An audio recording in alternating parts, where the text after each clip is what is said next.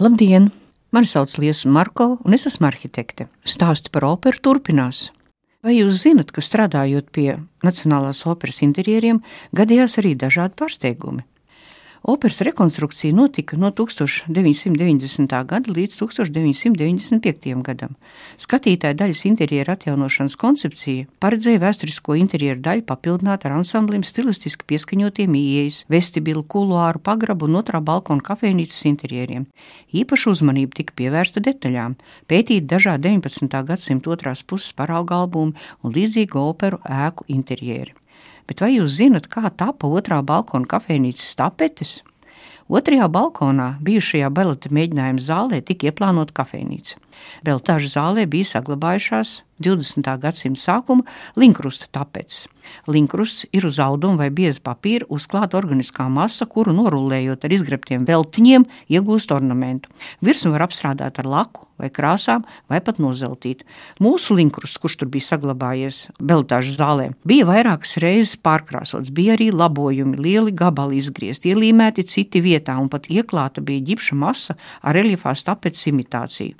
Zem šīs apdares izpētes laikā atrada 1897. gada apdari dekoratīvo krāsojumu, polihromu paneļu izskatā. To arī atjaunoja, to jūs redzat šodien. Un tad nolēma, ka teātrī kādreiz izmantoto sienu apdari Linkrustu varētu atkārtot otrā balkona, jaunajā kafejnīcas telpā bet izrādījās, ka cena šim ekskluzīvajam materiālam, kas bija paredzēts trīs krāsās, ir ļoti augsta, un iedalītajā budžetā to nevarēja atļauties. Tomēr vēlme iegūt šo apdari bija ļoti liela. Ar piegādātāju apspriedām vairākus variantus, un operas direkcijai piedāvājām pirkt nekrāsot linkrustu. Tā arī izdarījām. Restauratoriem nācās nokrāsot linkrustu tumši sarkanā tonī, bet tālāk vajag jau vēl arī otru toni, nedaudz tumšāk, lai izceltos akantu lapas skaistais ornaments. Tātad to jau iekrāso ar otām. Bet tad seko vēl smalkāka lieta, jo nu vajag arī zeltu. Nu, ja ir opera, tad obligāti vajag zeltu, lai tāpēc iemirdzētos. Un šo smalko darbu ar mazām otiņām, uzklājot uz izvēlētās detaļas, zelta imitējošu krāsu, veica vesela restaurātoru komanda. Tas ilga apmēram nedēļu. Tas bija tik ļoti rūpīgs darbs. Jūs paši varat pieiet pie tapetēm un paskatīties. Ir mazie zelta punktiņi, ir mazās zelta strīpiņas. Tātad tas viss, viss ir roku darbs. Mūsu tapets ir unikāls ar to, ka tas ir viss cauri krāsots ar roku. Mašīna tikai ir uztaisījusi pašas tapets, bet tālāk jau viss ir uzgleznots, varētu pat teikt.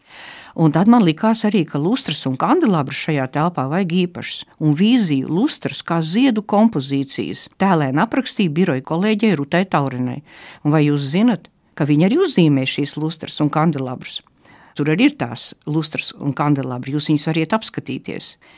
Bet nākošais stāsts ir par kļūdām. Vai jūs zinat, ka kļūdas kādreiz palīdz? Vajadzēja restaurēt operas brāļa gaismekļus pie balkona margām. Padomju laikā tiem bija nogriezta daļa no savienojuma konstrukcijas un uzmontēts elektriskās sveces. Tā kā pēc arhitekta Šmēlinga rekonstrukcijas projekta zālē paredzēja lielu lustru ar spuldzēm, tad arī brāļa vajadzēja būt ar spuldzēm, tā tad zari uz leju. Bet kāda tad bija tā atsaite, stiprinājums pie balkona malas?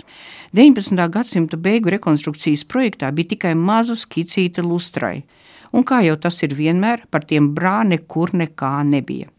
Vienu dienu es šķirstu žurnālu māksla, un vienā atvērumā ir redzama kaut kāda zāle, liela zāle, virsraksts Latvijas Nacionālais teātris, Raini un Aspāzijas godināšana, jo viņi atgriežies no trimdas. Nu, labi, atgriezās Rainis, liela zāle, Nacionālais teātris. Nākošajā dienā es pēkšņi iedomājos, ko es tur redzēju. Fotogrāfijā taču nav Nacionālais teātris, tā ir operas zāle. Es zvanu uz redakciju un saku, jums ir kļūda. Redakcijas darbiniece sāk taisnoties. Es viņu pārtraucu un saku, ļoti labi, ka jums tas gadījās. No kurienes jums tas attēls? Attēls bija no muzeja Raņa un Aspāzijas fonda. Tālāk, fotografija tika palielināta, smalki izpētīta, un fotografijā redzamie 20. gadsimta sākuma kupoli gan netika atjaunoti, bet gaismekļi tika atjaunoti komplektā ar lustru, ar pareizo pagriezienu, ar pareizo pievienojumu pie balkona margām, tieši tā kā to bija iecerējis rekonstrukcijas autors arhitekts Šmēlings. Nu, vēl viens stāsts par aizkaru pušķiem. Vai jūs zinat, ka valdības ložas aizkaru pušķi izkonkurēja Vācijas firmas Gerets piedāvājumu? Firma Gerets specializējas teātra operu priekškaru izgatavošanā. Arī mūsu operas teātrim bija iespēja pasūtīt šajā firmā skatuves priekškaru un valdības loža aizkarus. Kopā ar Latvijas Nacionālās operas celtniecības direkcijas vadītāju Eduardu Raubiško bijām aizbraukuši uz Vāciju izvēlēties samtaiskariem. Viņi piedāvāja arī atsienamās saites ar pušķiem. Nu, man tie nemaz nelikās tik labi. Es saņēmos un firmai Gerets paziņoja, ka pie mums uztaisīs labākus. Un tā arī notika. Mākslinieca Māra Avotniece izgatavoja pušķus. Gerets viņus novērtēja ļoti augstu un izteicās, ka viņš gribētu savā firmā tādu mākslinieci.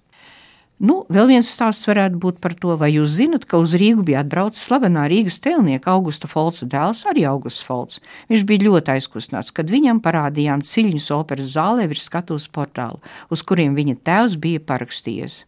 Un par tēlnieku Augustu Folcu un viņa devumu Rīgai var izlasīt mākslas vēsturniece Ināras apenas grāmatā Rīgas tēlnieks Augusts Folcs. Tādi ir daži stāsti par operu.